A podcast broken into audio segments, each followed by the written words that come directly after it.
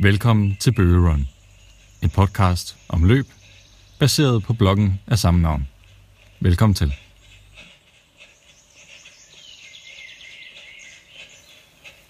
Kom i gang med løb. Her er mine gode råd. Indlægget er udgivet første gang den 31. marts 2017. Jeg bliver ofte spurgt om gode råd i forhold til løb. Vi er naturligvis alle forskellige, og det er sandsynligvis ikke alle, som vil finde samtlige punkter relevante. Trods det har jeg lavet en liste over ting, som har hjulpet og virket for mig. Jeg håber, at mine råd kan være med til at få flere til at snøre løbeskoene i fremtiden. Valg af løbesko.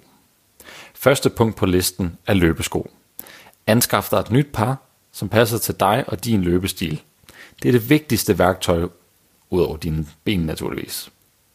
Få en ekspert i en sportsforretning til at hjælpe dig med at finde de helt rigtige sko. Løbesko er en jungle, og der er enormt stor forskel fra mærke til mærke. I samme ombæring kan du starte med at smide de gamle ud.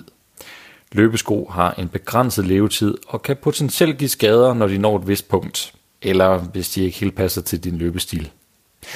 Derudover skal du gøre op med dig selv, hvilket formål din sko skal have. Konkurrence eller mængde.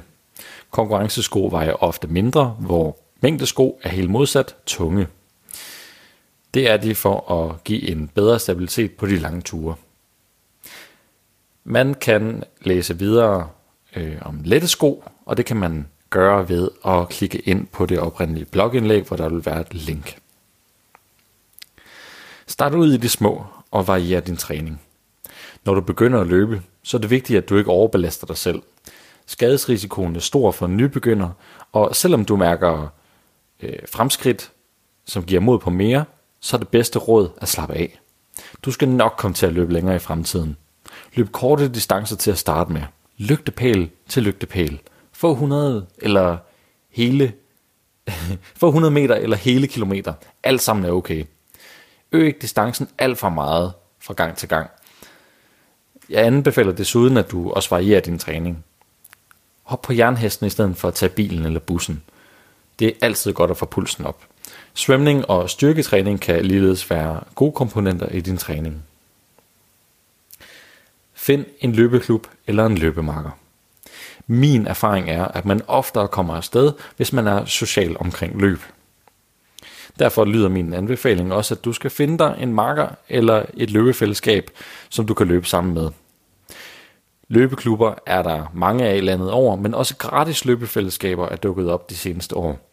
Aalborg Runners, eller AA Run, i Aalborg hjalp mig i gang med løb, men også DGI har tilbuddet, som hedder Go Run, og det er også et godt og gratis tilbud.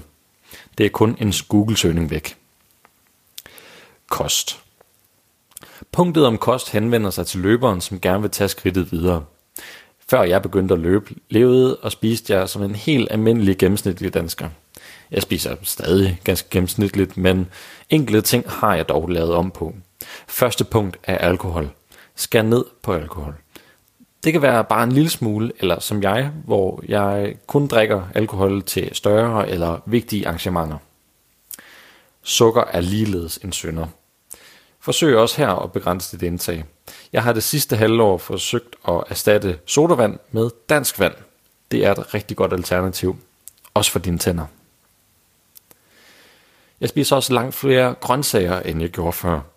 Fisk ved jeg, at jeg ikke får nok af, så derfor tager jeg også øh, to omega-3 og 6 piller sammen med min daglige vitaminpille. Det fungerer. Et sidste kostråd er fuldkorn. Jeg vælger altid fuldkorn, hvis jeg kan. Råbrød skal som minimum indeholde 50% fuldkorn, før jeg køber det. Det giver en langt bedre mæthedsfornemmelse, og det er også min oplevelse, at jeg derfor ikke snakker så meget på grund af det. Løberkost er en jungle, men du kan eventuelt købe bogen Løb som eliten af Claus Heckmann, og der finder man rigtig øh, gode sider om emnet. Et sidste tip i min guide her er, at du skal lave et smart mål for dit løb. Det kan være en rigtig god idé at skrive det ned, før du begynder. Derefter så er det nemt at evaluere på, om du har nået det, du satte dig for øje.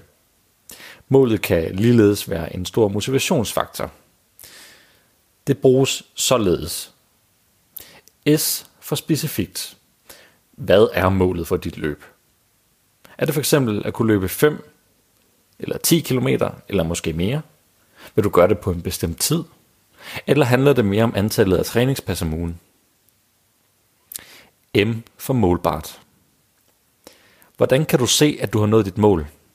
Jamen, du kan for eksempel anskaffe dig noget teknologi. Det kan være for eksempel et GPS-ur, som kan give dig en status. Du kan også selv lave en oversigt, hvor du noterer din fremskridt. A for attraktivt. Du skal spørge dig selv, om dit mål er meningsfuldt, om du synes, det er sjovt. Det er enormt vigtigt, at du har gejsten, eller at du kan finde den. Er for realistisk. Du skal være ærlig over for dig selv. Passer løbeudfordringen så til dine træningsforudsætninger? T for tidshorisont. Du skal sætte dig en dato eller en periode for, hvornår du vil opnå løbemålet i. Det hjælper dig til at ruske op i dig selv, også på de dage, hvor det er svært at komme afsted. Hvis du vil nå målet, eksempelvis inden sommer, så er det bare at komme afsted. Du har lyttet til Bøge Run, en podcast om løb, baseret på bloggen af samme navn. For at finde flere informationer, tjek Instagram på handlet N og Facebook. Vi løbes ved.